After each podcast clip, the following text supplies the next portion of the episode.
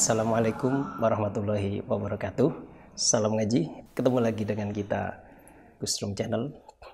Channel yang membahas tentang kajian Al-Quran, hadis, dan hukum-hukum Islam yang edukatif, yang memberikan alternatif kepada kita semuanya. Dalam kesempatan kali ini, kita akan membahas tentang darah yang ada dalam daging. Seperti yang kita ketahui bahwa daging tidak bisa sepenuhnya bersih dari darah. Ketika kita mengolah daging, kita masukkan ke air, maka air itu akan berwarna merah. Bukti di situ ada darah. Yang ingin kita bahas adalah di sini bagaimana hukum darah yang ada di daging ini.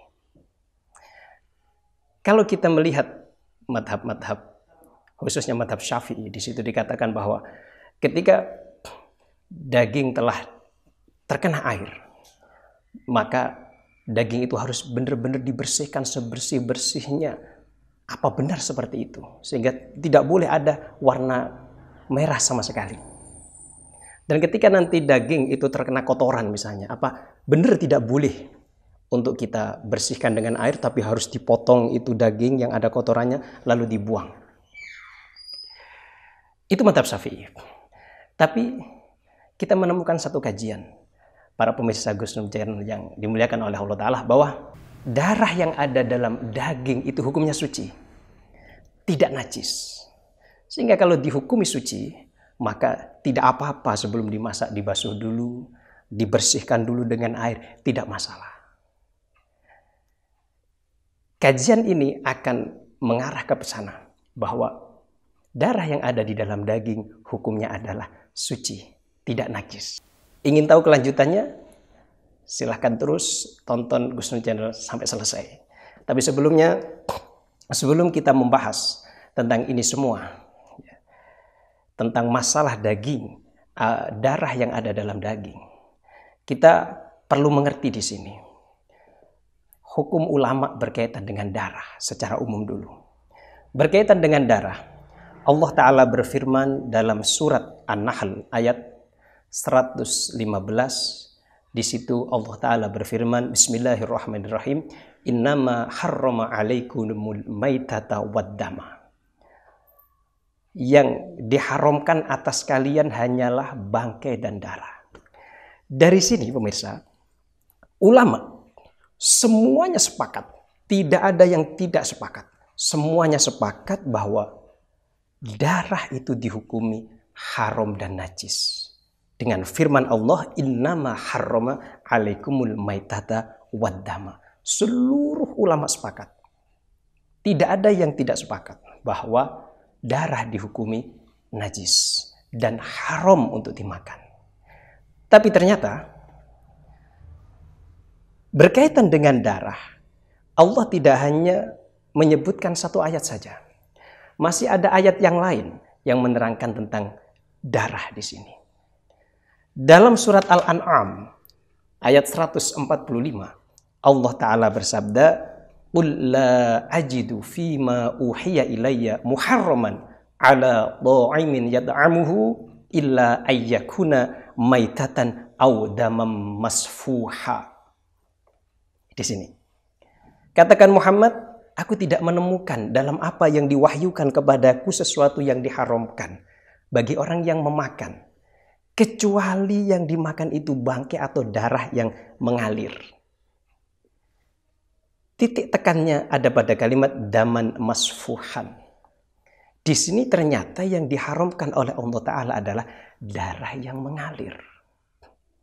Ayat yang pertama pada surat An-Nahl, di situ umum sekali. Innama harrama alaikumul maitata waddama. Lafat adam ini umum.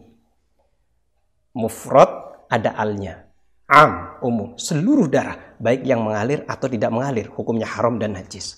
Tapi ternyata di ayat ini, surat Al-An'am ini, Allah Ta'ala berfirman bahwa yang diharamkan itu adalah darah yang mengalir. Ketika ada teks Quran atau hadis yang itu am, yang mutlak kok ada teks lain yang khas atau mukoyat, maka yang am atau yang mutlak harus diarahkan kepada yang mukoyat.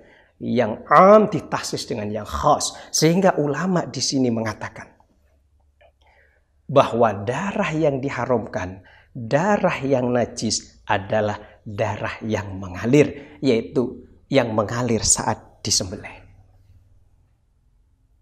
Sehingga kebalikannya, darah yang tidak mengalir, ini darah yang tidak mengalir berarti dihukumi suci dan boleh dimakan. Apa darah yang tidak mengalir? Ulama mengatakan darah yang tidak mengalir. Seperti dalam tafsir Al-Munir, karya Wahbah Az-Zuhaili dikatakan, darah yang masih ada dalam daging atau darah yang masih ada dalam otot.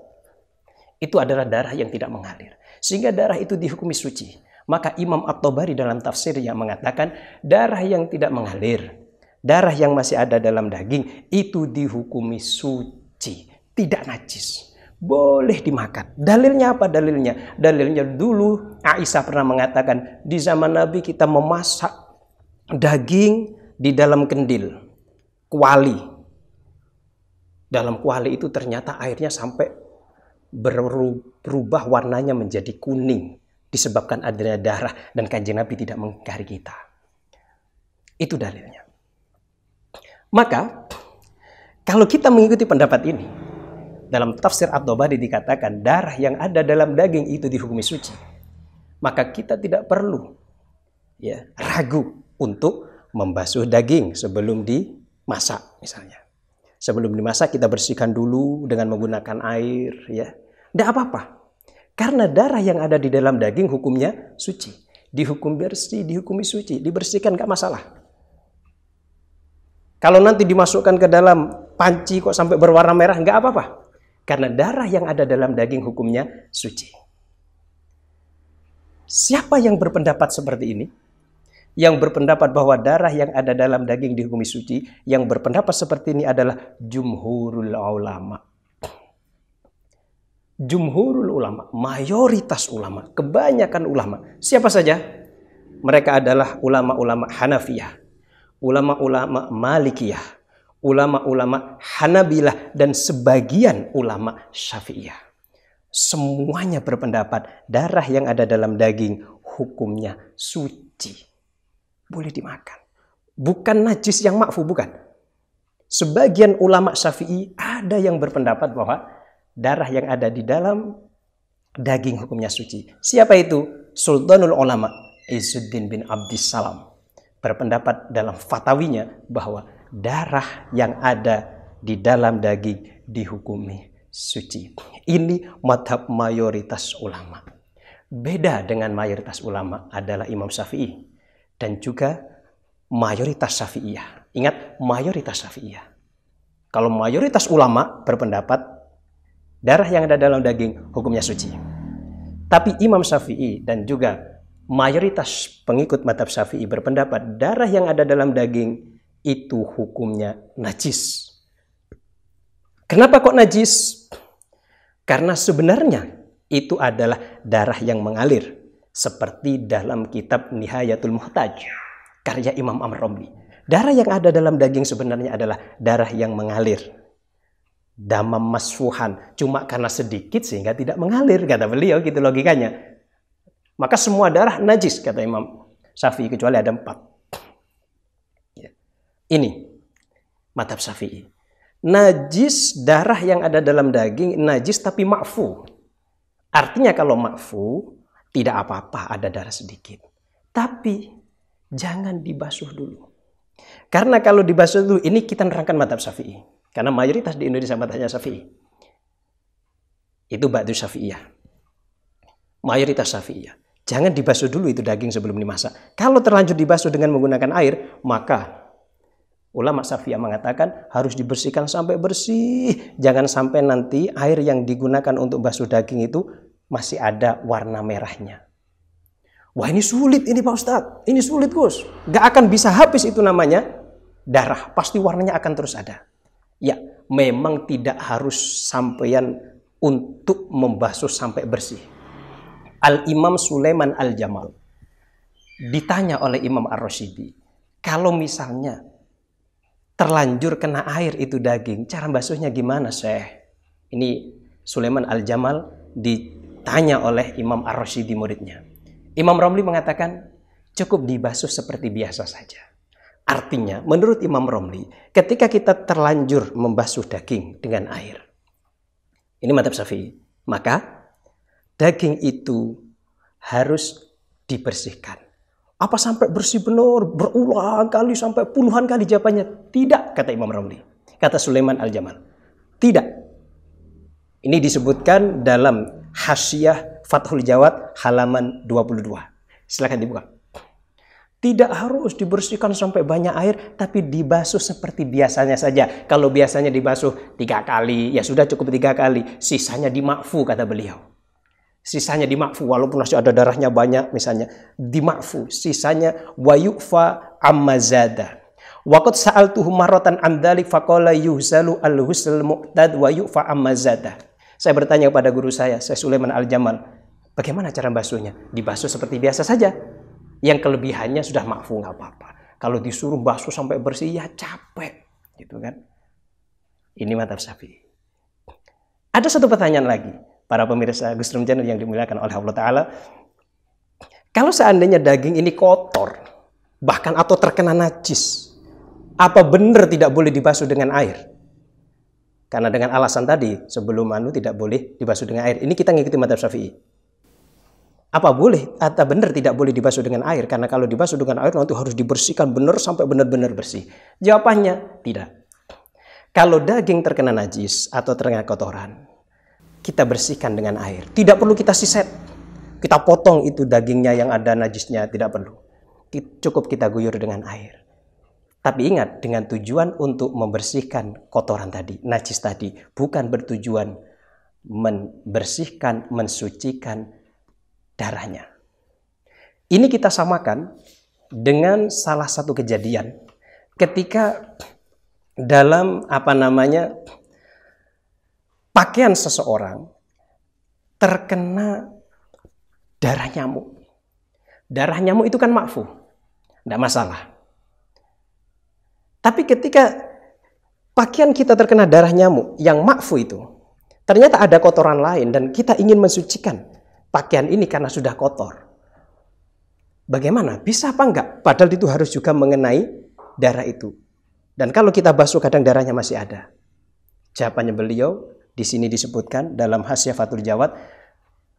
Kalau ada pakaian yang terkena darah nyamuk lalu dibersihkan dari kotoran yang selain darah nyamuk, tujuannya tidak membersihkan darah nyamuk, maka seandainya kotoran itu sudah bersih dan darah nyamuk masih ada, maka tidak masalah. Pokok diniati membersihkan kotoran, bukan membersihkan darah nyamuk. Walaupun kotoran itu najis. Kalau najis maka diniati membersihkan yang najis. Jangan diniati mensucikan darah nyamuknya. Sama berarti dengan masalah daging. Ketika daging terkena kotoran, terkena najis lain, maka boleh dibasuh, dibersihkan, disucikan kotoran yang lain tadi, yang najis tadi, tapi diniati jangan mensucikan daging dari darahnya. Ini madhab syafi'i, jadi tidak perlu disisat. Pemirsa kesulitan yang dimuliakan oleh Allah Ta'ala, dari dua pendapat ini, saya pribadi cenderung mengikuti madhab jumhurul ulama. Kalau kita mengikuti jumhurul ulama, mayoritas ulama, maka kita tidak perlu untuk ragu membasuh daging. Karena jumhurul ulama syafi'i, malikiyah, Hanafiyah, Hanabila dan sebagian ulama Syafi'iyah termasuk di situ Syekh Sultanul Ulama Izzuddin bin Abdul Salam mengatakan darah yang ada di dalam daging hukumnya suci. Sehingga perincian-perincian yang tadi dalam madhab Syafi'i kalau kita mengikuti mata ini tidak perlu kita ikuti. Saya secara pribadi lebih condong terhadap pendapat jumlah ulama karena itu sesuai dengan apa yang diinginkan Allah oleh oleh Allah Taala. Allah Taala menghendaki kemudahan untuk hambanya. Yuridullahu bikumul isra wala yuridu bikumul asr. Demikian yang bisa kita sampaikan pada pertemuan kali ini. Sebelum kita akhiri, kita sarankan kepada para pemirsa untuk ikut menyebarkan video ini agar mendapatkan fadilah dakwah ilallah. satu kali menyebarkan akan dapat satu pahala. Sepuluh kali menyebarkan akan dapat sepuluh pahala. Seratus kali menyebarkan akan dapat seratus kali pahala. Dan setiap pahala akan dikalikan sepuluh minimal. Berarti seratus kali Anda menyebarkan video ini, Anda akan minimal mendapatkan pahala seribu kali. Dan jangan lupa berikan komentar Anda, saran Anda, kritikan Anda untuk video ini ataupun silahkan kalau ada pertanyaan-pertanyaan silahkan diletakkan di kolom di kolom kolom komentar supaya apa yang kita sampaikan lebih baik untuk ke depannya. Kurang lebihnya saya mohon maaf. Assalamualaikum warahmatullahi wabarakatuh. Salam ngaji.